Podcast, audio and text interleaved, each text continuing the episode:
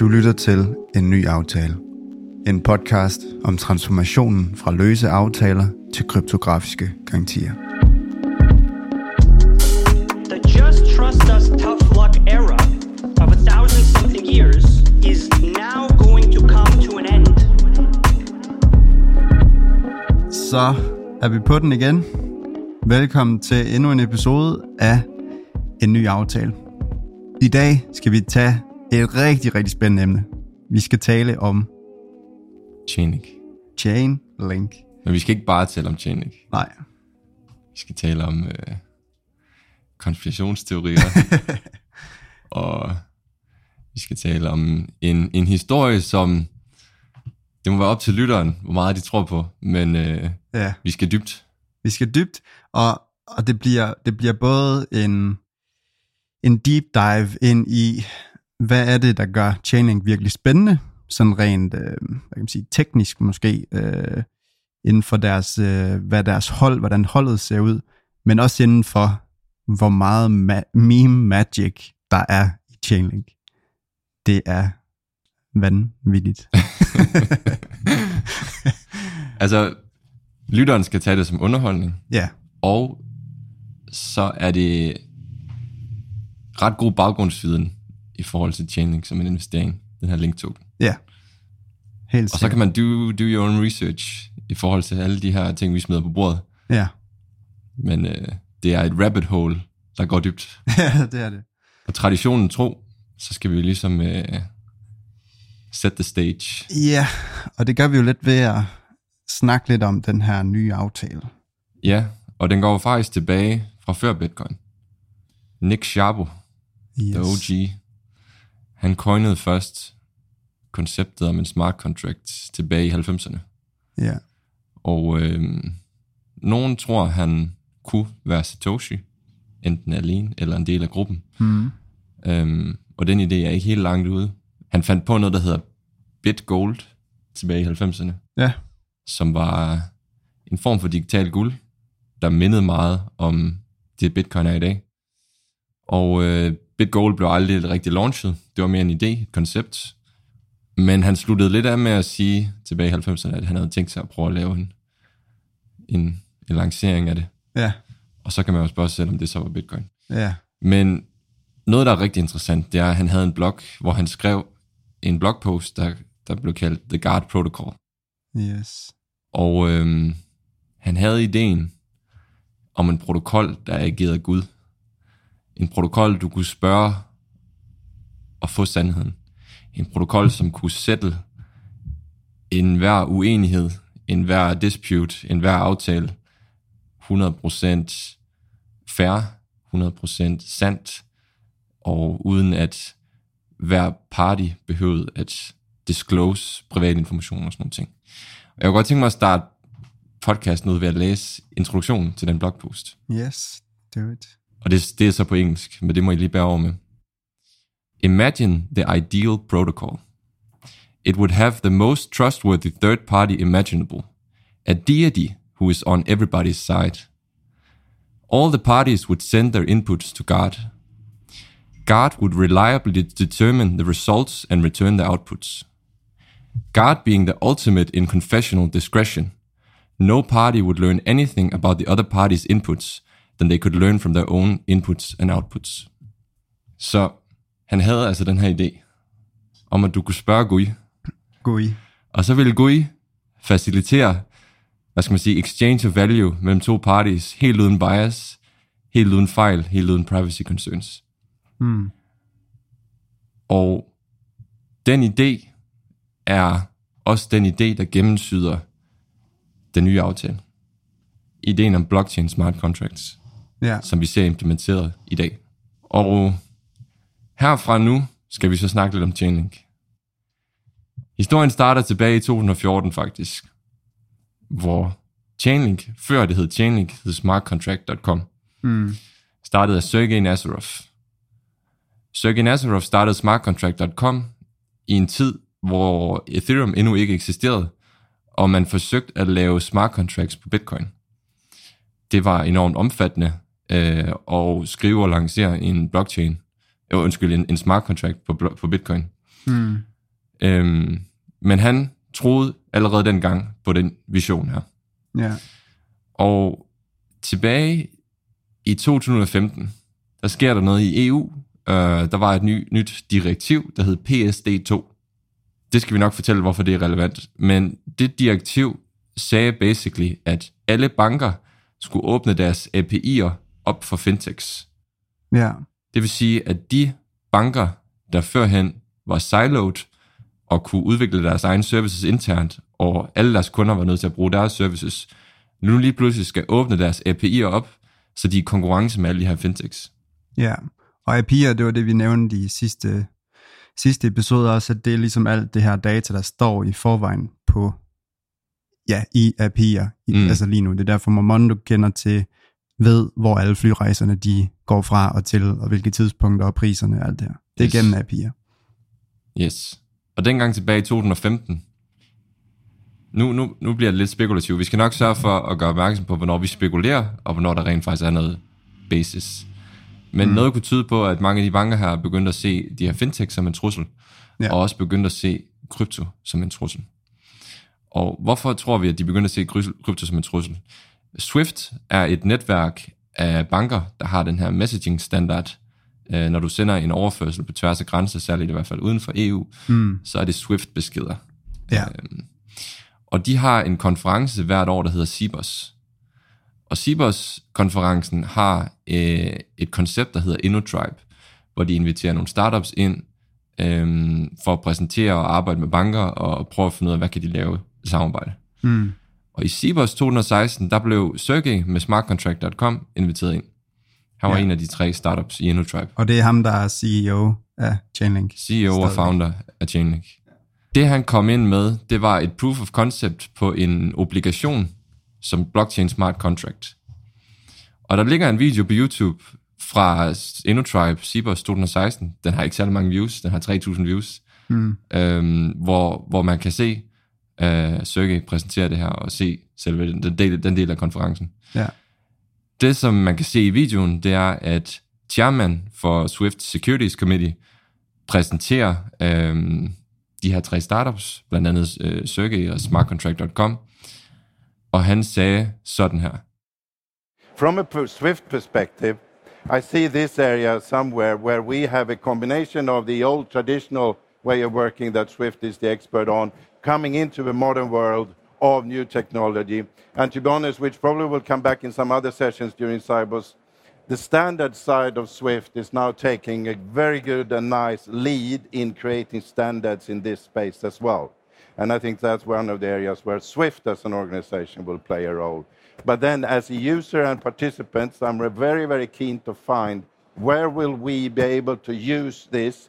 And we started just my, my, my friends who's going, we're going to have a discussion in a minute. We just said before the session over coffee, where are we and where are these going to lead?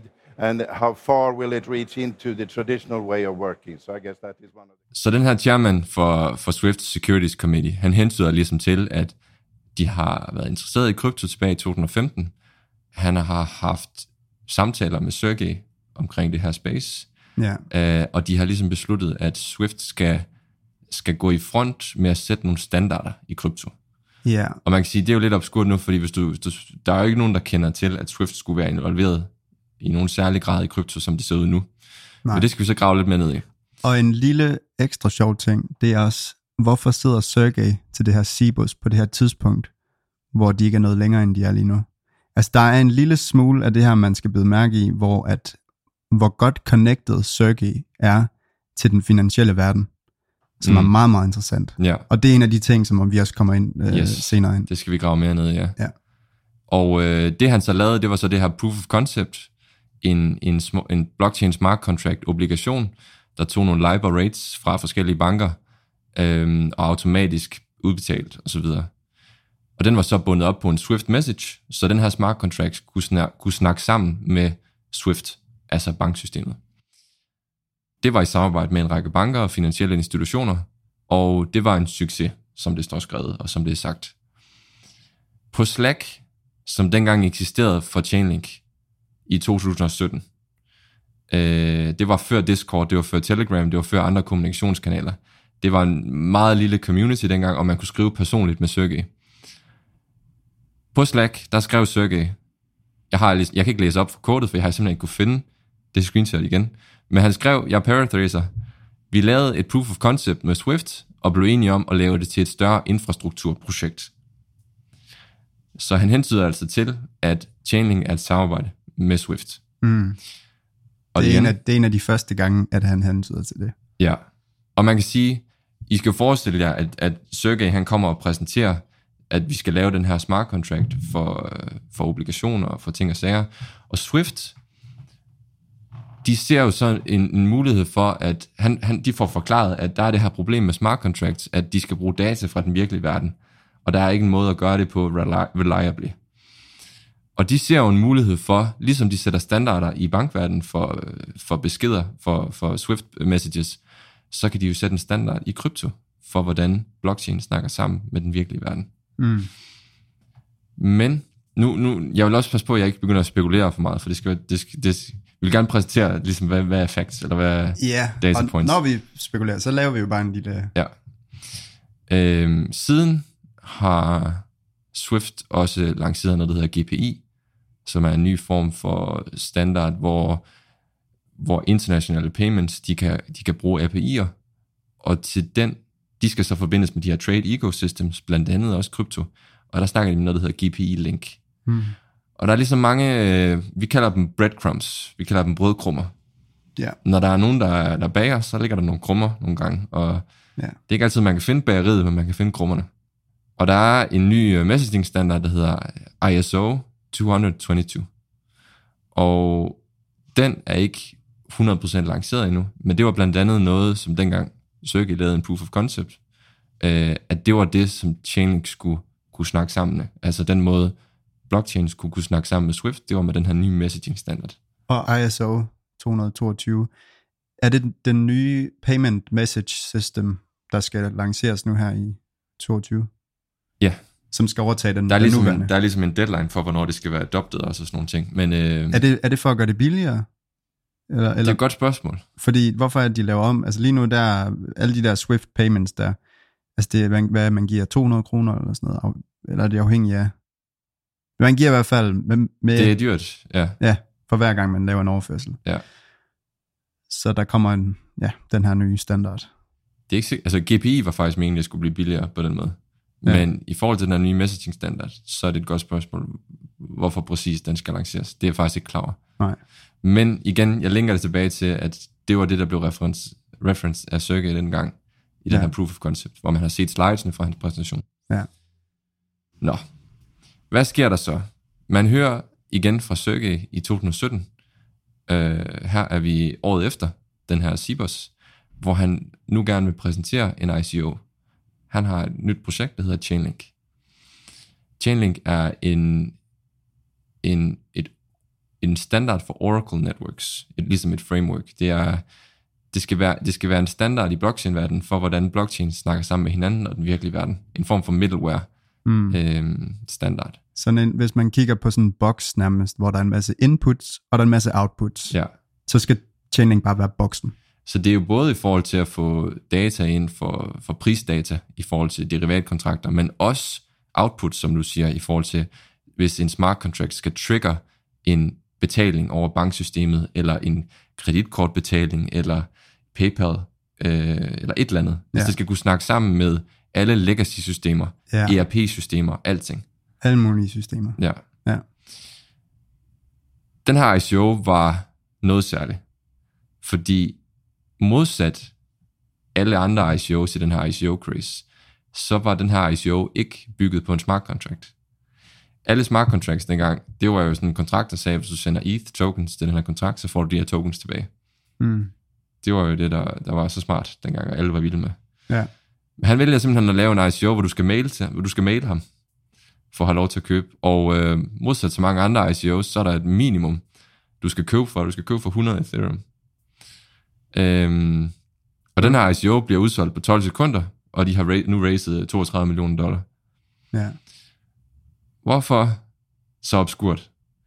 Og der skal vi, for at spekulere lidt, skal vi til et anonymt imageboard der hedder 4chan, som har en, en, en sektion, der hedder Biz, Ja, Business and Finance. yes.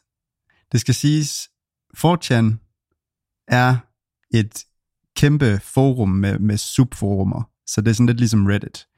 Men øh, når du går ind på 4chan, så skal du ikke være overrasket, hvis der er en masse, hvordan skal man sige det, konspiratoriske og meget øh, politisk ukorrekte temaer. Så det, det er lidt et sted, hvor at der skal sorteres lidt, afhængig af, hvad for en temperament man lige selv har. Men øh, BIS er, har også den her ting, og det er lidt noget... Øh, Altså det er jo, du skal ikke spørge nogen om lov for post. nej, Du øh, har ingen identitet derinde, alle er anonyme. Og der bliver ikke modereret i særlig hård grad. nej, Så hvad får man derinde? Man får, og, og det, der er specielt med det, det er også, det er et imageboard. Så du, du skriver noget, du, du behøver ikke lægge et billede op, men det er det, de fleste gør. mm, Og det er derinde, så mange memes i hele internettet, de faktisk de starter. oprinder. Ja. ja. Og det er lidt, øh, det her BIS øh, subforum derinde, det er fyldt med i perioder en masse, masse rigtig spændende diskussioner. Og, og det er her, hvor der kan opstå nogle rigtig spændende snakke. det, det er en, en samling af mennesker derinde, som er generelt, hvis man skal generalisere lidt på dem, der er derinde, så er de en Ja. særlig personlighedstype. De er lidt, lille smule antisociale, lidt Ja. autistiske. Det er jo, der, man kan sige, mange andre forumer, der har folk brugere med, med de her, der er en form for omdømme tilkoblet deres, øh, deres, deres brugere. Typisk så er der upvotes og downvotes og likes og sådan Ja. nogle ting. Men inde på, inde på 4chan, der lægger du en post op, og så er det, og så, du kan ikke like den. Det hele kommer i rækkefølge efter, hvornår det er postet. Du får ikke sorteret for dig, hvad der er, generelt er mest vældigt derinde. Nej, Øhm, og du bruger en masse, tilbud, øh, masse tid på at lave en meme, lægge et billede op, og så er der ingen, der ved, det er dig, der har lagt den op, og nu, nu er den glemt, eller bliver repostet igen og igen, og Ja. du har ingen credit for det. Så det tiltrækker selvfølgelig en særlig øh, særlig type... Øh, type person. Ja, men det det også gør, det er, at alle, der er derinde, kigger efter content, og kigger ikke efter, hvem har lavet contentet. Mm. Der er ikke noget, der er lagt på autoriteten af dem, der skriver det. Det er alt sammen, tag det for, hvad det er. Giver det her mening for dig, og giver det ikke mening for dig? Mm. Og det er de diskussioner, der bliver så spændende, fordi at det bliver tydeligt, når man kan se, okay, der er noget rigtig spændende lige her Ja. og så kommer, og så man kan se, at, at den diskussion, den kommer til at udvide sig, mm. fordi at folk, de, de, de ser det. De ser, okay, her er der faktisk noget rigtigt Det er meget, man, skal, man skal vurdere meritten i det, der bliver postet, og ikke hvor afsender, hvor kommer det fra. Ja, ja, Øhm, men apropos det, så er der jo den her mulighed for, at du kan poste med en tripcode, som de kalder det. Det vil ja. sige, du kan, du kan faktisk connecte dine forskellige beskeder og vise, at du har samme identitet, der er postet her, og nu også poster senere i morgen for eksempel. ja. Og det er ikke så mange, der gør det, men der er nogen, der gør det en gang imellem. Der er nogen, der gør det en gang imellem, og får og der var et det- lille navn. og i forhold til Chainlink, så var der en særlig karakter. Og vi kan lige så godt, lige så godt afsløre med det samme, at den her karakter havde valgt at kalde sig selv for Ass Blaster. Yes. og og det, det paradoxale var, eller var, at den her karakter Asblaster udgav sig for at være en, en person fra en investeringsfond, der var med i et privat sale med Chainlink, Ja, og ligesom blev feedet med inside information. ja, Og den her karakter, Asblaster, han, som de ville sige derinde, spoonfeeded, det vil sige, øh, gav, gav mad med, med, med ske, ja, direkte til folk, så de ikke behøvede at tænke selv, og forklarede ligesom, hvad er konceptet med Ethereum, hvad er forbindelserne, hvad er historien bag. Øhm, og han forklarede blandt andet også, at det her, det er Swifts projekt ja, basically. Og at den her ICO, for lige at vende tilbage til den, var ikke, det var ikke meningen, at, at almindelige mennesker, lad os sige det på den måde, skulle være med. Det var bare meningen, at Chainlink senere skulle referere til, at de havde haft en ICO. At det havde været community-driven og decentralized. Så Swift senere kunne sige, eller ikke Swift, men i hvert fald Chainlink kunne sige, at du ved, vi er et decentralt projekt. Ja. Der var en i ICO. Du, alle, folk kunne købe. Ja. Og øhm, han hentydede basically til, at Swift ville ikke have alle de her folk med i deres lille klub, men de ville, der skulle være det her asset, der hedder Link, som skulle stille sikkerhed og bruges som betaling til den her kæmpe nye API-økonomi, der kommer inden for smart contracts. ja. Så Swift, På grund af Europas igen. Blandt andet. Altså, bankerne kunne sagtens se, at den fremtid, de, og banker, de tager, lad os sige det på den måde, bankfolk, de taber aldrig. De ved godt, hvordan de skal positionere sig for at tjene penge. Ja. Og de kunne godt se, hvad for en vej vi er på vej hen, Med igen. med krypto og med øh, PSD2 og så videre. Ja. De kunne godt på vej at se, at den her Swift, de her Swift messages, og det her med at sidde på de her siloer og tilbyde de her services, og kunne tjene penge på, at folk laver internationale betalinger, det er Ja. der ikke fremtid i. Nej.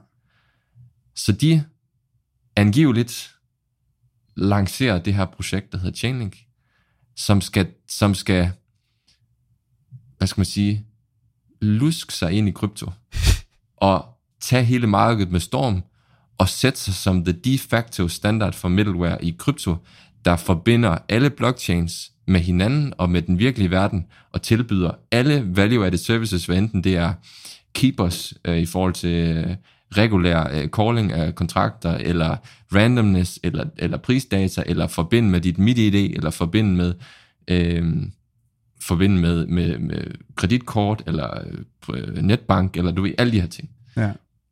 Og den her link token skal være et aktiv, som underbygger hele den her verden. Og i forhold til den her link token, tokenomics og så videre, så vender vi tilbage til det sidste i episoden. For vi skal snakke lidt videre omkring den her konspirationsteori. Fordi det, der så sker, det er, at efter ham her Asblaster, han har spoonfeedet alle de her autister inde på BIS, så er det, de begynder at pool deres penge og købe den her ICO. Øhm, og de... Øh, Så bare lige for... Så han lader folk vide om, at der kommer en ICO, der hedder Chainlink, før den er, den er live, kan man sige. ja, altså, den er annonceret inden, Den er arrangeret inden, ja. og der er en hjemmeside, Ja, og det er det. ja. Det er, det er et projekt, som det første år eller to var notorisk for ingen markedsføring af overhovedet. Mm. Den eneste markeds... Og det, Det kommer vi ind på det kommer vi ind på. Ja. Øhm, og det, det, det alle de her 4chan-gutter, de begynder at gøre, det er, at en ting er, at de begynder at lave en masse memes. Chainlink har absolut suverænt de bedste memes. øhm, men de er faktisk begyndt sådan at lidt at forsvinde fra internettet. Sjovt nok. Det, Ja. det, det er mere og mere svært at finde dem. Men dengang, altså der er så mange memes, det forstår man slet ikke. Nej, men det er vanvittigt. Øhm, det de så begynder, det er, at de begynder at grave i det her, vi kalder breadcrumbs. De begynder at lede efter, for at prøve at forstå, om det her Ashblaster, han siger, det er sandt. Og øh, det man finder ud af, det de graver sig frem til, det er, at der for eksempel er den her bog, The Fourth, Fourth Industrial Revolution, skrevet af Klaus Schwab med- fra World Economic Forum, der highlighter smartcontract.com for eksempel Mm. så begynder man at grave frem, at Microsoft er ved at lave øh, et Oracle, der ligesom er et white label Chainlink. Vi snakker helt tilbage i 2018 på det her tidspunkt. Ja. Man begynder at finde forbindelser til Google. Man begynder at finde forbindelser til Mastercard, Visa, IBM, Oracle, Amazon, Facebook, osv., osv., osv. Mm. Og mange af de her breadcrumbs er, nogle er meget tydelige, andre er mindre tydelige. Mm. Og de connections, de begynder at lave, altså det ligner sådan, fortsætter sådan et, en, et, et collage. opslag, en collage, Ja. hvor der er forbindelser fra det ene til det andet, og det, Det ligner en- detektivarbejde. det ligner også, Straight altså, det ligner en eller anden, der er blevet sindssyg. Ja. Altså, det, det gør det. Men, Men det er et helt er ingen- forum af autistiske unge mennesker, der sidder der og konspirerer. ja, konspirerer øh, ja, det de konspirerer ikke, men de, de, de føler, de er ved at uncover der. Ja, uncover. den sygeste konspiration. Og de graver videre og finder noget, som også er lidt interessant. De begynder at finde hints til, at ham her Sergey Nazarov, CEO og founder af Chainlink, måske også er Satoshi Nakamoto. Nogle af de argumenter, de har for, at han måske er det, Eller er- har været en del af gruppen, måske. Eller en del af gruppen. Ja, Det kan det også være. Øhm, og den, den, den idé skrives ofte som SN er lige med SN. ja, Og man kan sige, det er det nok den weakeste argument for det. At det er ligesom samme initialer. Men ja. Det første, man finder ud af, det er, at smartcontract.com, som er navnet på den virksomhed, Sergey havde inden Chainlink, som han startede tilbage i 2014, ja. det domæne blev registreret 25. oktober 2008. Det er en uge inden Bitcoin White Paper blev released. Og det overtager Sergey så i 2014. Der er noget, der tyder på, at han overtager det fra en anden. Ja, Det bliver i hvert fald overdraget øh, i 2014 ejerskabmæssigt. Ja. Men det er ikke sådan, at det mister ejerskab, og så han registrerer det på ny. nej, Han får det fra en person, hvis ikke det er ham selv i hvert fald, så får han det fra en person, som registrerede det domæne 25. oktober 2008. ja, Så er der en anden ting, og det er, at der var det her Bitcoin-forum, dengang Bitcoin blev lanceret, hvor Satoshi han postede. Og i tiden op til, inden han forsvandt, der begyndte han at poste en del omkring contracts. Han kaldte dem ikke smart contracts dengang, men contracts. Han øh, skrev for eksempel om en escrow contract, han havde udviklet, og øh, i 2010, øh, som vist var året, han forsvandt, der lagde han en ny version ud øh, af en Bitcoin-klient, eller hvad, hvad, det, hvad det nu vil være, der havde en JSON RPC command, som er sådan noget, man vil bruge til at kalde en smart contract. Og en af hans sidste mails, inden han forsvinder, der skriver han følgende, I've moved on to other things. Uh, it's in good hands hmm. Så hvis man kigger på smartcontract.com hjemmesiden tilbage i 2014, man kan bruge de her archives, hvor man kan se tilbage på øh, Google, der har crawlet det, og man har, man har archivet altså, det. historien, his, Hi- eller sådan historien af hjemmesider, ikke? Ja, man kan se sådan nogle tiden. cached versioner af hjemmesiden. Ja. Der kan man se, øh, at det handlede om Bitcoin smart contracts. Så, så Satoshi var ligesom interesseret i at prøve at lave smart contracts på Bitcoin. Noget kunne tyde på, at han ligesom fandt de, limi, der fandt de begrænsninger, der var i at lave smart contracts på Bitcoin. Og øhm, det var så også det, der end til sidst skete med smartcontract.com. Det var jo så året efter, der startede Ethereum Hmm. som var en ny implementering af Bitcoin, der havde smart contract capabilities. I Ethereum, de tidlige billeder fra, nu snakker vi om fotografier, fra Ethereum uh, meetups, uh, udvikling videre, der sidder Sergey i baggrunden, rigtig tit. Hmm. Det, der, er, der er tit sådan et billede, hvor man lige kan finde hans hoved i baggrunden. Og det er igen de her Fortune-gutter, der har gravet det frem. Ja. Øhm, så er der også en rigtig interessant øh, lille, lille, lille ting, hvor man i Bitcoins kode fandt en russisk proxy, øh, der ligesom hensyn til, at Satoshi havde brugt en russisk proxy. Øh, det vil sige, at han havde forsøgt at, at bruge sådan en form for VPN. Han havde forsøgt at, at se ud som om, at han sad i Rusland. Men Mm. det gjorde han så også, men måske en anden sted, han egentlig gjorde. Sergey er russer, og den her samme proxy, IP, den kan ses brugt på en hjemmeside for hotelreviews, hvor en bruger, der hedder Sergey, skriver et review om et hotel i Vietnam. Der er i øvrigt et billede, man har fundet frem til, hvor Sergey han backpacker i Vietnam. og, og der er ingen grænse for, hvor dybt de har gravet de her fortune folk. Ej. Der er også et review omkring sådan nogle øh, cruises øh, Altså uden for, skib, øh, Ja. altså sådan et, ja. ja, uden for Estland, og man har dertil fundet et billede af Sergey stå på et skib med det her Estland-flag i baggrunden. ja. Øhm, Så det vil sige, at man tror ligesom, at den her proxy IP, at der er noget, der kunne tyde på, at det kommer fra Sergey, fordi man kan forbinde den til de, den her, de her reviews. Og, øh, ja. ja. Og hvis vi skal for, forsøge at kæde det hele lidt sammen med lidt spekulation, så kan man spørge sig selv, hvorfor ham her Sergey, som har taget en uddannelse på, jeg tror det er New York Universitet, mm, han har undervist lidt i filosofi.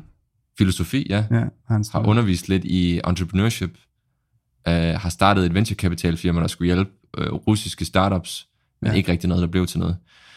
Hvordan kan han ende med lige så pludselig at sidde i Swift og skal lave en, en skal stå for at have lavet, hvis det er sandt, deres implementerings-chainlink for hele blockchain-industrien. Altså, der, altså, hvordan hænger alt det her sammen? Ja, Og man kan sige, hvis han har været involveret som Satoshi, eller som en del af den gruppe, der er Satoshi, så, så giver det måske mere mening. ja, Øh, en anden ting, man kan se, det er, at på det her oprindelige Bitcoin-forum, der var russisk det første ikke-engelske sektion af siden. Så det startede som engelsk, men det første, der kom ud over det, var den her russiske sektion. Der er så de her interviews, hvor Sergey han bliver spurgt, om han er Satoshi, og det benægter han selvfølgelig. Mm. Let me ask you this question Who is Satoshi Nakamoto? There's quite a few people who suggest that person is you. So, is it you? No. If you were Satoshi Nakamoto, would you tell me? Because you said they shouldn't, whoever Satoshi is, you should keep that private. So, would you tell it to me or no? We're in some kind of weird like thought experiment here. If if I was this guy, um, Øh, men der er også et interessant interview, hvor Sergey han bliver spurgt, hvor længe han har arbejdet med det her. Han fortæller, at det er tilbage i 2020. Han fortæller, at i syv år har han arbejdet med smart contracts, og 10 år har han arbejdet med, altså med, øh, og så sidder han sådan lidt og føler, at han har sagt for meget, og der, der, det hele bliver lidt akavet. Fordi han hvad er det, han arbejder med? Hvad har det, han har arbejdet med i 10 år? Det, det, det vil han ikke rigtig fortælle. Nej. Okay, Så det var en masse spekulering det her, men vi er ikke helt færdige. vi er ikke færdige. vi er ikke færdige. Og vi kommer, og vi kommer ind på noget, som er mere teknisk omkring Chainlink, og, og, og hvad, hvad det er godt for, og det ene eller andet. Men vi skal lige, vi skal lige en tak dybere ned. vi skal lige en tak dybere ned Ja. først. Og igen, altså lytterne, de må tage det som underholdningsværdi. Ja, Øh, hvis jeg hørte sådan nogle ting her, og jeg ikke selv havde, havde set noget af det her, så ville jeg være meget skeptisk. ja. Og, Og jeg foreslår faktisk lidt, at øh, I skal gå ind og prøve at finde nogle af de her billeder og, og collager men det... af breadcrumbs. Og jeg tænker, vi faktisk i podcast-afsnittet, inde i øh, description, der laver vi nogle links, for at gøre det lidt nemmere tager vi til noget af det. Okay. Til noget af det. ja. Øhm, Men, en anden interessant ting omkring Chainlink, det er, at der er den her person, Ari Jules, Harry Jules. som er en, øh, en research, researcher på Cornell University. Øhm, Professor, ikke? Professor, Lektor. ja, professor. Øhm, han er blandt andet den første til at konceptualisere øh, proof of work. Jeg mener, det var i 90'erne. Mm. Han er co-author på Chainlink White Paper. Og man kan sige, Cornell University og New York University, de ligger forholdsvis tæt på hinanden, så det er, er ikke så farfetched at tænke, at de nok måske bare har mødt hinanden Ja, af deres interesse i, i krypto. ja. Øhm, ham, Ari Jules, han er lidt interessant. Ja. Han har skrevet en bog, der hedder Tetrak, Tetraktus. Tetraktus, jeg ved ikke, hvordan man udtaler det. Og øh, jeg har næsten lyst til, så for lige at, for lige at, at, at læse, så hvis man, hvis man googler den her bog her, så er der ligesom en, en, intro, en, en beskrivelse af, hvad handler bogen om. Ja. Og Jeg har ikke læst den bog her. Det her tror jeg heller ikke, du har. Nej, nej, nej. Øh, men det handler om symbolik, konspirationsteorier og kryptering. Ja, Og øh, nu, nu, nu vil jeg lige prøve at læse bare lidt. Og, og det I bare skal prøve at lægge mærke til, det er, hvor, altså, hvor vanvittigt det lyder i princippet, at han har skrevet en bog om det her. Det, det, det lyder således. A corrupt president of the In- International Monetary Fund is startled by an oracular voice from his computer charging him with crimes against divine numerology and God, but together they provide disturbing evidence that someone has broken RSA encryption, the security linchpin protecting the world's computer systems. Even more bizarre, a secret cult of latter day followers of Pythagoras, the great Greek mathematician and philosopher who believed reality could be understood only through a mystical system of numbers, appears to be behind the attacks. Okay. så langt, så godt. yes. Ari Jules, han har en Reddit-konto, Ja. der hedder Ari øh, J 216. Ari J 216. Ja, 216 har været et meget interessant nummer for alle de her folk på 4chan. ja, Øh, fordi Sergey, han havde også en couchsurfing-profil, havde de fundet frem til, hvor der var et billede. Der, det skal siges, der er meget få billeder af Sergey, så hver, hver billede føler de her folk har betydning. Og det her billede, der sidder han på sådan en, en lille robåd, hvad skal man sige, en kano, og på den båd står der meget tydeligt 216. I og med Ari Jules, han har en stor interesse for symbolik, altså det handler meget om symbolik for Ari Jules. Farah Jules. Ja, og noget med, med stjernetegn og, og Saturn, og der er, Der er noget med Saturn der, også. der, der er en helt, helt masse med det der. Men ja, Chainlink-logoet ser blandt andet ud som Saturn. Og 6 gange 6 gange 6 giver 216. Og hvis man kigger på sådan nogle øh, bibelske referencer og ge- gematria value i Hebrew, så betyder 216 oracle, og det betyder oracle of God. ja, Hvis vi sådan skal runde af med lidt spekulation, så noget kunne tyde på, at de bruger symbolik til at prøve at manifestere den her idé om, at Chainlink, det er the God protocol. Det Ja. er the truth machine. Det er the oracle of God. Det er den ultimative mediator for alle aftaler i verden. Du kan altid spørge Gud, og så får du sandheden. Gud sørger for altid for alt er fair, og, og sørger for, at de private ting, du har, de bliver, forbliver private. mm, Og der er et kæmpe rabbit hole, man kan dykke ned i, ja, i al den form for symbolik, de har brugt. Det er de har brugt, ja, og, det, og det er ikke øh, spekulation, men Chainlink-holdet har brugt symbolik til blandt andet dagen, de ude, øh, de gik på mainnet. de gik på mainnet. Både den, den dag, de lancerede, at nu har de tænkt sig at gå på mainnet, havde- og den dag, de rent faktisk gik på mainnet. Ja, de havde begge to en symbolik inden for... The Øh, Legend of Zelda, the, som er et Nintendo-spil, hvor hovedkarakteren hedder Link, ja, og hvis stav har samme logo som Chainlink. ja, Og øh, de datoer, de gik på mainnet, annoncerede mainnet, korresponderede med de datoer, det her spil blev lanceret, Lanceret, ja. eller sådan nogle ting. begge datoer Ja. havde noget med det her spil at gøre. Ikke gang med det, så er der også nogle ting, altså det er bare noget ekstra, Det- ekstra det- oven i hatten det her. Men så er der også, øhm, der har været noget med tallet 7 på... Øh, Det er så ikke Chainlink-holdet. Nej, nej, nej, det er på 4chan, men det, det bruger Chainlink så Det er rigtigt. Og det er sådan, der er, en, der er et eller andet frem og tilbage med, med det her community, det der rigtigt. så er omkring Chainlink, at de leger med symbolik, de leger med øhm, de her tal. Ja, Så der er, der, det, det er en af de her meget, ja.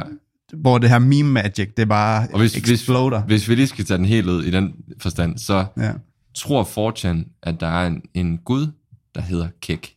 Og Kek kommer fra World of Warcraft, hvor hvis du skrev LOL, så så øh, modstanderne, dem på det andet hold, jeg kan ikke huske, om det hed, ingen, ingen husker de to hold hed, men der så modstanderne det skrevet som Kek. Hvis du skrev LOL, så så de Kek. ja, Så Kek blev en måde at skrive LOL på, men Kek blev så også til den her gud, som er den her frø.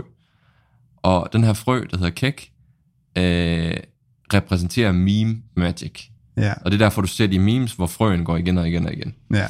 Og der er et eller andet med det her tal 7, der har... Der har øh, jeg, Jamen, det altså, en af de ting, der skete inde på 4chan blandt andet, det var, at alle post og replies, de er, de er nummereret i en kronologisk orden. Så den gang, hvor der var et eller andet tal, hvor det hed 7, 7, 7, 7, 7, 7, 7, 7, 7, eller et eller andet. Nummer Mm. det, der blev lagt op. Det Mm. var en post, og den hed My Linky stays super stinky. 1000 dollar interview. Ja. Og det, og det, og det er bare igen, og det, syvtallet var noget specielt før det her, så da den, rigtigt. da den ramte øh, den her post på det, altså det er sådan nogle ting, hvor at, ja, man skulle nok have været der måske, men det, det er bare, der er evig meme magic omkring Chainlink. Og det, der, det jeg faktisk lige vil tilføje, der jeg kom lige i tanke om, det er, at 4chan, da de lavede den her research i de her brødkrummer for Chainlink, så blev de så overbevist om, at det her projekt er en, lad os kalde det en konspiration. Det er, øh, det er meningen, det skal pushes ud som en, en, en ny standard af verdens elite-agtig. Ja, så var det, de tænkte, jamen vi har, ikke, vi har ikke brug for at chill, vi har ikke brug for at gå ud og fortælle folk på resten af internettet omkring det her projekt, fordi den her link token kan nok stige i værdi i sig selv, ved at den bliver lanceret og adoptet. ja, Og det de gør, så gør i stedet for at gå ud og sælge den, det er, at de går ud og forsøger at overbevise resten af internettet om, at det er et scam. Ja, Så de får resten af internettet, jeg er ligeglad med, hvad for et forum du er på, ja, om det er Reddit eller Twitter, eller hvor du er henne, så alle tror, at Chainlink er et scam. og inde på 4chan, der deler de links til andre forumer, hvor de siger, hey, hvad er det her Chainlink for noget og sådan noget, og så skriver de bare, you know what to do, og så kommer hele Ja. ja. 4chan ind på det her andet Ja. ja. forum, og så bare jeg ved hedder det, fotter det. Ja. Ja. Altså, du ved, bare taler, siger, det er et scam, det her, det, det ene og det andet. Ja. Og det er først, da Chainlink er gået på mainnet, og Chainlink Link er på Coinbase, og Google har annonceret, at de laver en integration, og det hele er mere etableret, at de vælger at sige, okay, nu slapper vi lidt af. Ja. Men hele perioden op til da, der troede alle, at Chainlink var et scam. Det var, øh, det var startet af en, en russisk scammer, der backpackede rundt i Asien, og øh, et two-man team, der, øh, altså, der, der, der var, det, for dem var det en intellektuel exercise at prøve at komme op med noget overbevisende fod. Ja. Øhm, Og faktisk var det jo heller ikke fordi, og det, det er så en, et andet aspekt af Chainlink på 4chan, at i starten, så handlede det jo også meget om, hvor er hullerne i det her projekt. mm, Så grunden til, at folk blev så overbevist omkring Chainlink, var, at alle startede ud med at, at prøve at finde ud af, hvor er hullet? Ja. Hvor er der nogle huller i det her? ja. Hvor er fotten henne, som man siger? Typisk så ser man jo det modsatte på forskellige kryptoformer i dag. Altså folk, folk har købt nogle, nogle, nogle tokens og nogle coins, Ja. og så bliver de sådan religiøst attached til dem, at de føler, at det er et zero-sum game, hvor vi skal bare råbe højt, og folk må ikke, folk må ikke snakke dårligt om vores projekt, fordi mm. så mister jeg mine investeringer og sådan noget. Ja. Hvor øh, den her ethos i ethos på 4chan var, at et, chain, et, et projekt skal kunne bære sig selv, Ja. og det skal, det skal kunne holde til, at du kritiserer det til verdens ende, Ja. uden at det går i stykker af den grund. Fordi hvis, argument, hvis, hvis det kan noget, så er argumenterne for bedre end dem, mm. der er Mm. imod. Ja. Så, så det er sådan lidt historien omkring Chainlink. Og den dag i dag Ja. er, er, er der ikke særlig meget snak omkring Chainlink på 4chan, fordi Nej, nej. Vi, vi nået til et bullmarked, hvor det er sådan 4chan lidt, hver gang der kommer et bullmarked, så kommer der mange nye til, og det bliver sådan lidt udvandet i kvalitet, og folk smutter lidt fra det igen, dem der tidligere sad der. Mm. Og, øh, og den dag i dag er der måske mange af dem her, de her gamle folk, der måske har de solgt deres link tokens, måske har de flyttet over på Twitter og sidder lidt der, måske har de... Det er i hvert fald, den her undergrundskultur er død ud igen. Mm. Og jeg tror også, Chainlink er nået til det punkt, hvor det er så mainstream nu, at de føler ikke, de føler, det er mere normie mainstream nu at investere i Chainlink, så, så det gider de ikke. Ja. Og Normie, det er sådan lidt... Normie, det er, det Det er norm- fjenden på 4chan. Det er fjenden af 4chan. Ja. Det er Normies. Det er de normale mennesker. De har en direkte foragt for normale mennesker. Og det, er jo, det, det hænger selvfølgelig meget sammen med, at mange af dem, de er jo, de er jo sådan lidt antisociale og, og, og sidder nede i kælderen. Altså nu, hvis man skal lave en stereotyp, så er det jo sådan Ja. den antisociale, der, der sidder hjemme og... Og ja, nu, nu, nu kan det også nemt komme til at lyde som om, at øh, vi taler en masse om 4chan. Det er bare fordi, at Chainlink startede bare på 4chan. Ja, Og det er derfor, det er sjovt at tale 4chan lige nu. Men nu skal vi også snart over i noget, som handler om Chainlink og hvad den her Truth Machine, ja. den Ja. gør så godt. Fordi hvis ikke, hvis ikke det havde været for 4chan, så havde vi ikke vidst noget omkring den her, den her lidt weird historie, Nej, Chainlink har haft. Så er det bare tænkt, om det er bare et projekt ligesom alle andre, ja, ja, der er blevet lanceret nu, og de gør det godt. ja. Så Link, øh, det asset, der bliver brugt i de her Oracle Networks til betaling og sikkerhedsstillelse, det er den investering, vi er mest bullish på i krypto. ja. Øhm, Og det er der jo nogle grunde til. der er både, hvad skal man sige, ligesom meritten i den, øh, de tokenomics, der er. Hvad er det for noget utility, den token har? Hvad er det for nogle, hvad er det for nogle dynamikker, der skal få den til at stige i værdi? Det er en ting. Mm. Noget andet er vores tro på, at teamet kan eksekvere. Ja, Øhm, og igen, vi snakker lidt omkring det her med, at øh, alle de her store, store navne, Fortune 500 navne, de øh, allerede lidt var med fra starten af. Ja. Og, og meget tyder på, at som, som, som Sergey selv har, har udtalt i et interview, du ved, vi har, vi har én chance til at launch det her. Dem vi arbejder med, de accepterer ikke, at vi laver nogen fejl. nej. Så det bliver meget metodisk og stille og roligt med, med 100%, øh, med, ikke med 100%, med masser af sikkerhedstests og, og grundig øh, øh, modeling af, af forskellige scenarier, bliver det hele lanceret, Ja, øh, så alt bare spiller.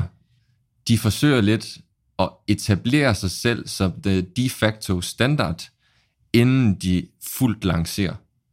Så de har, de har for eksempel en koncept nu, hvor de subsidiser mange af de her Oracle Networks, for at få så mange som mulige projekter integreret indtil de kan sidst kan tænde knappen for de her tokenomics, øh, en, for den egentlige tokenomics, der skal få det her projekt til at stikke afsted.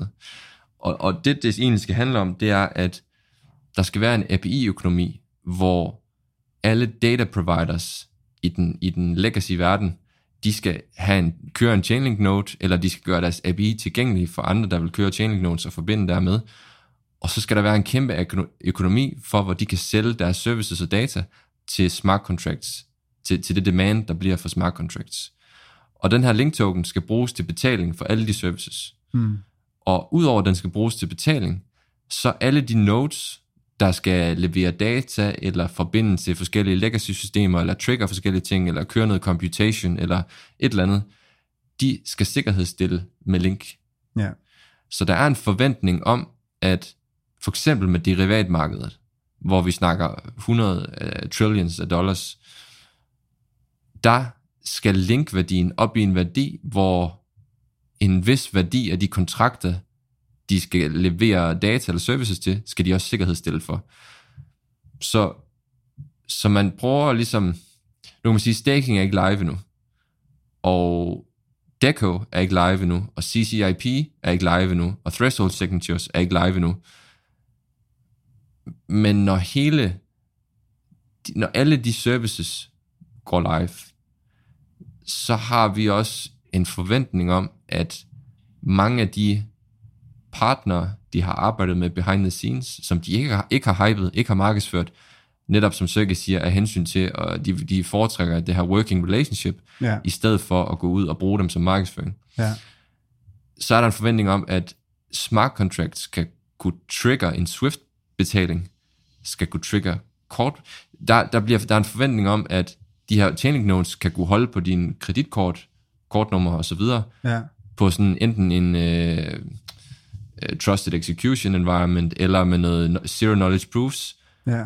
øhm, så at chaining nodes ikke har adgang til din, dine credentials til din netbank, eller dine kort, øh, kreditkort, eller øh, whatever else, men at de kan trigger de her ting for dig. De kan le- levere det til, kont- til, til kontrakten, når det skal bruges. Ja. Så forestil dig, at du har smart contracts, der eksekverer fuldstændig uh, reliably, ikke kan stoppes, og du ved, at de executer as written, samtidig med, at de er forbundet med alt. Du kan få alt den data ind, du skal bruge. Du kan trigger lige præcis den form for betaling, du skal bruge. Ja. Du kan snakke sammen med dine ERP-systemer. Du kan snakke sammen med dit MIDI, det er offentlige. Du kan snakke sammen med, du ved, alt muligt. Ja. De har for eksempel det her Deco, som er de her... Øh, det er en måde, hvor at en chaining node skal kunne logge ind på din netbank, skal kunne se for eksempel, hvor mange penge du har i banken, uden egentlig selv, noden selv ved det, så skal den kunne bevise til, til smart contracten, hvad det er, eller at den har set, den er over et eller andet, uden den selv ved det med de her zero knowledge proofs osv. Ja. Altså, de arbejder totalt at the edge teknologisk for, hvad, hvad, man, hvad man kan inden for kryptografi. Ja. Og der sker en, en migrering af talent fra Web2-verdenen, fra alle de store FANG-virksomheder, over i Web3, over i krypto. Og Chainlinks evne til at få talent ind på deres hold, er fuldstændig unmatched. Ja. Ja. Øhm, Men det var så øhm, nogle af de ting, som der er planer med. mm, Det er nogle af de ting, der, der står i på, på, øh, på projektets øh, roadmap, kan man sige. Men øhm, nogle af de ting, de så gør lige nu, det er for eksempel at, øh, at levere sådan nogle price feeds inde i kryptospacet. Og de har gjort det muligt at for de her DeFi-projekter som Aave og Synthetics øh, og så videre, at kunne have nogle stabile price feeds. Og hvis man ikke ved, hvorfor det er vigtigt, så er det det med, at hvis et DeFi-protokol bruger et price feed på for eksempel Ethereum til USD fra Binance, eller lad os sige øh, FTX eller en eller anden børs. Den ene børs kan blive manipuleret med fra en stor spiller, der kan få prisen til at falde eller stige af en eller anden vis grad, som der så kan få en eller anden Aave-kontrakt på der DeFi-platform til at bevæge sig på en måde, han gerne vil have den til. så hvis du for eksempel havde kommet ind med noget collateral, der var Ethereum på Aave, Ja, og så Aave kun brugt én, øh, én data provider, for eksempel Binance, ja, Og så lige pludselig så der nogen, den her meget tynde orderbook, der var på Binance, der var nogen, der kunne crashe Ethereum-prisen, og så blev du liquidated, selvom Ethereum-prisen faktisk ikke faldt under din liquidation price, sådan mere i det hele taget. I det hele taget, ja. Ja. Det var bare på den ene børs. Ja. Og det er bare sket så mange gange, det her, ved folk, der ikke brugt Chainlink price feeds.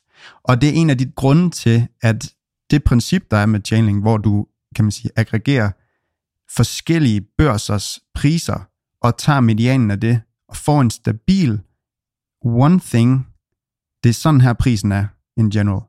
Det er være- bare så vigtigt for de her protokoller. At, og det, det er bare, hvad kan man sige, det lyder som en lille ting, men for DeFi, det bliver kæmpe, kæmpe stort. Det bliver meget, meget større end er i dag. Mm. Og det er så vigtigt bare den ene ting. Og det er en lille ting, som Chainlink gør. Og en ting er, at de tager jo ikke faktisk bare fra forskellige børser, de tager fra forskellige data aggregators, Ja. som for eksempel CoinGecko, CoinGecko. CoinMarketCap, og Ja. aggregator deres aggregation. Ja, Og de data aggregators, de specialiserer sig i at sørge for at have market coverage, så hvis der sker price discovery på en eller anden chain, så er de også det med. Og så kan man spørge, okay, jamen det lyder meget øh, lækkert og fine and well, men øh, det kan jo også gå galt. Det er ikke gået galt nu. Det har kørt stabilt, Og- siden de startede. Og der, hvor det virkelig kommer under pres, det er, når der, når der lige pludselig er et eller andet Black Swan event, hvor kryptomarkedet det crasher. Ja. det går helt vanvittigt. Når det crasher, så, så stiger gaskost til det 50-dobbelte lige pludselig. Ja, Og hvis du kører din egen Oracle, så du har nogle computer til at stå, så lige pludselig så koster det, jeg ved ikke, flere tusind dollar at skulle post on-chain, hvad er prisen på det her, det her asset. Ja. Og det er der, hvor Chainlink Oracles er så robuste, at uanset om gaskost, de stiger lige pludselig i det her Black Swan event, så sørger de for at poste de her prisdata på on-chain, sådan at de her DeFi-protokoller kan liquidate efter reglerne, eftersom de skal. ja, For du kan også stå med en protokol lige pludselig, der ikke får liquidated, fordi der ikke kommer en price update på, at market faktisk er crashet. ja, Og lige pludselig så har de et kæmpe problem i, at, at folk, der havde, havde postet øh, collateral på en lending-protokol, der er lige pludselig ikke nok til at få, betale dem tilbage. Folk, der har taget lån, de har for mange penge. De er ikke blevet liquidated. præcis. Og det er jo så, hvad kan man sige, øh, så det er noget, der bare, der er behov for den her slags Oracle Networks i det her space. Og det bliver bare en af de protokoller, som bliver standardiseret, og kommer til at ligge bag mange af de ting. Øh, ligesom at vi snakker om sidste episode, at HTTP, øh, hvad hedder den, øh, S, øh, SSL, alle de her protokoller, de ligger bag den måde, vi, vi bruger internettet på hver dag. Mm. Øh, Og de er så ikke bare data feeds. Nej. Du ved også det her CCIP, vi snakkede lidt om det i sidste afsnit. ja, Øh, I forhold til internettet, tror jeg, man vil sidestille det med TCP/IP. Det har du snakket med, at for at sende mail til folk, skal du vide, hvad for en internetudbyder, og hvad er det for netværk, du er på og sådan noget. ja, Der er TCP/IP, og så det her CCIP skal så kunne gøre det samme for krypto og forbinde alle de her chains, sådan at du har lige pludselig sådan et DeFi-produkt, hvor der faktisk er kontrakter på forskellige chains, og der det hele er forbundet, ja. Og du som bruger har en seamless exper- user experience, hvor Ja. du egentlig ikke aner, hvad for nogle chains du er på. Du behøver ikke skifte Metamask. Det hele det kører bare. ja. Og CC, CCIP er jo ikke til os og jer, det er jo til developers, der bygger platform, der bygger ting, der så gør, at vi som brugere kan bare hygge os og gøre det nemt. Chainlink er i det hele taget developer toolings, Ja. developer middleware, men En gang Lego-klodser. Men jeg kunne godt forestille mig, at i fremtiden, når det hele ligesom når sin maturity, at så lad os sige, at vi vil lave et bet, bare os to som to privatpersoner, Ja, på, øh, på en fodboldkamp, og vi ikke stoler nok på hinanden, så er det, at vi går ind og laver en smart contract. Mm. Det tror jeg bliver ligesom det, at det var svært at lave hjemmesider i starten, til at nu findes der WordPress og alle mulige forskellige øh, CMS-systemer, der gør det meget, meget nemt. ja, På samme måde tror jeg, det bliver, det bliver meget nemt lige at, at smide en smart contract op i fremtiden, og, og sørge for, at man har garantier på de aftaler, man, man har. ja, Og der sker hele tiden udvikler inden for smart contracts, forstået på den måde, at best practices bliver hele tiden forbedret og udviklet og ekspanderet. Øh, så, nu Synthetics for eksempel, de står over for at skal launch V3, hvor de siger, at så, se, dengang de launchede de smart contracts, der er live nu, der var der slet ikke alt den, den, de standarder og de templates og den best practices, som der er nu. Så nu kan de forbedre deres protokol enormt meget, Ja. ved at, bare, ved at ligesom opdatere på, hvad er best practices. ja, Så selvfølgelig sker der mange hacks. Det er fordi, det er eksperimentelt. I, med tiden, så bliver det hele robust, og det hele bliver gennemtestet, og vi ved, hvad der virker og hvad der ikke virker. Ja. Og det, som er et enormt... Det, vi kommer til at snakke mere om det, men det kunne være interessant lige at nævne nu også, at mange hacks er faktisk ikke fordi, øh, du ved, at der er en fejl i koden, der gør, at der er nogen, der kan gå ind og så withdraw pengene. Faktisk er det ofte sådan noget med, at et orakel, der er nogen, der vælger at bruge et on-chain orakel, så for eksempel Uniswap, der er en on-chain exchange, den har jo også en pris, og den pris er allerede on-chain, så du behøver ikke bruge et oracle. Men hvis folk de gør det, så fortæller de også folk, okay, hvis jeg sælger det her på Uniswap, så ved jeg, at prisen falder præcis så meget, og så kan jeg manipulere den her DeFi-protokol på den her måde. Mm. Og der findes noget, der hedder flash loans, hvor du kan tage et lån i krypto, så længe du betaler det tilbage. Du behøver ikke bruge øh, collateral. Du kan tage et lån, så længe du betaler det tilbage i samme omgang. Så du kan lave en kontrakt, der siger, jeg gør det her, jeg tager et lån, jeg sælger det her, jeg, det jeg har fået, det flytter jeg herover, og så gør jeg den her command der, og så gør jeg det der, og så sidst så betaler jeg mit lån tilbage, og så står du og har hacket en DeFi-protokol ved at have manipuleret det, de brugte som, som on-chain Som oracle. oracle. Ja. ja. Og de her oracle attacks øh, har der været rigtig mange af. Der er enormt, enormt mange. Altså det, det, Og det er også Det er faktisk mange, mange, sådan, mange øh, vi personligt har tabt lidt penge også. jo jo, Jamen, skal det, vi- det er en del af det. det er en del af det. Så lærer man det. Ja. Hvis der ikke er Chainlink uh, oracles bag en DeFi-protokol, så, Ja. så er det næsten ikke værd at kigge på. Men Chainlink er blevet en, en krypto-darling, som alle projekter i hele krypto elsker at arbejde med. Og jeg skulle lige til at Og sige de er det. en, en, en, et lys i mørket på professionalismen i branchen. Altså det er, Fordi det er den næste ting, man kunne stille spørgsmål, hvis der var nogen her. Det var, okay, hvad med konkurrenter? det er der næsten ikke nogen af. Nej, det er Og det, og det er det, der det, det, det er derfor, der gør den her Ja, ting endnu mere spændende. Ja. Og det igen, det er ikke finansiel rådgivning eller noget som helst. Vi, vi siger bare, at det er et spændende projekt. Men det gør det virkelig, virkelig spændende, at alle konkurrenter er så langt bagud. De dominerer det her marked så vanvittigt meget. Og man kan godt lave et argument for, at der er ingen grund til, at der skal være et multi-Oracle network øh, protokoller. nej. Der er kun behov for en. Det er Fordi den er så, den er så, du kan, du kan skræddersy din oplevelse Du skal ikke med bruge en konkurrent til HTTP. Nej. Når der først er en network effekt, og du er etableret, der, der er, Chainlink er bare et framework. Ja. Du kan lave dine egne Oracle Networks, præcis som du har lyst, med de parametre, du har lyst på Chainlink. Ja. De går ikke ind og siger, sådan er det. Så et egentlig alternativ giver ikke mening. Det, der er interessant med Chainlink, det er, at de vandt allerede inden de gik i gang. Ja. Og der, det tager jeg igen tilbage til den historie, der har. At meget kunne tyde på, at dem, der står bag Chainlink, de har allerede gode venner i alle større øh, virksomheder i verden. Alle, alle, alle, de vigtige, alle de spillere, der kunne være vigtige i sådan et projekt her. Ja. dem har de allerede øh, i deres hånd. Ja. Og det er sådan set bare et spørgsmål om, det er et spørgsmål om timing, og det er et spørgsmål om at udvikle de features, der gør, at alle kan springe med ombord.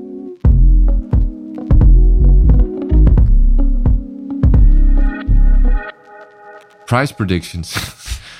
øhm, altså man kan sige, jeg, jeg har personligt kæmpe bias i, at jeg er nok for optimistisk. øh, Ja. men, men altså, hvis derivatmarkedet er 1 kvadrillion dollar, og de bare skal have, nu er jeg nødt til at lave matematikken igen, men 1 eller 10 procent af det, og så 10 procent ved, så er Chainlink token øh, 1000 dollar værd per styk. Ja.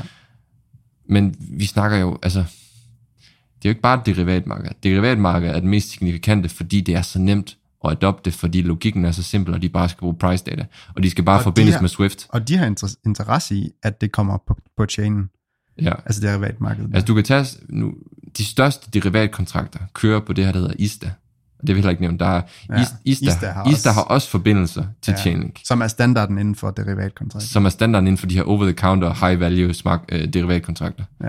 Og du kan for eksempel se øh, den der populære film, øh, The, Big Short. The Big Short, Ja.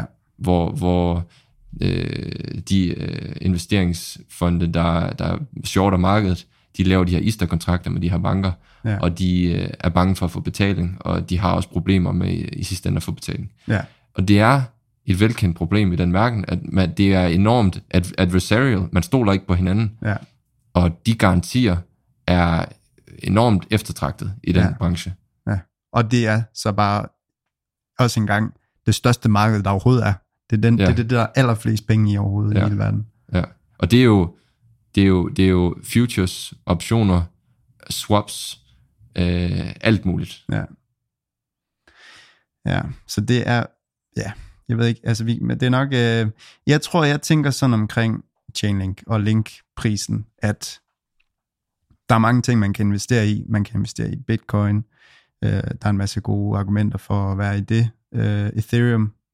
Øh, måske nogle af de her, det ved jeg ikke, hvis man er kæmpe fan af nogle af de her Solana eller et eller andet, der, det kan være, at der er nogle gode argumenter for det. Øh, jeg synes, det er så tydeligt, at det her, det bliver et behov. Det er et behov i forvejen, og der bliver kun større og større behov for det her. Der er en spiller, der hedder Chainlink, som dominerer det her marked. Og jeg tror bare, at det her potentielle upside, der ligger øh, procentvis for den øh, pris, den kommer til at have, jeg tror, det, det er bare det. Der, ja. der, der er to ting i forhold til, at vi har sagt. Nummer et, det er fuldstændig lige meget, om det er Ethereum eller Solana, eller hvad for en smart contract layer 1 execution layer, der vinder. Ja. Chainlink er ligeglad, det er agnostic. De er klar Ja. til at bruge dem alle sammen. De er integreret med dem alle sammen. Så du har et hedge forstået på den måde. Ja, præcis. Nummer to, 1000 end of you.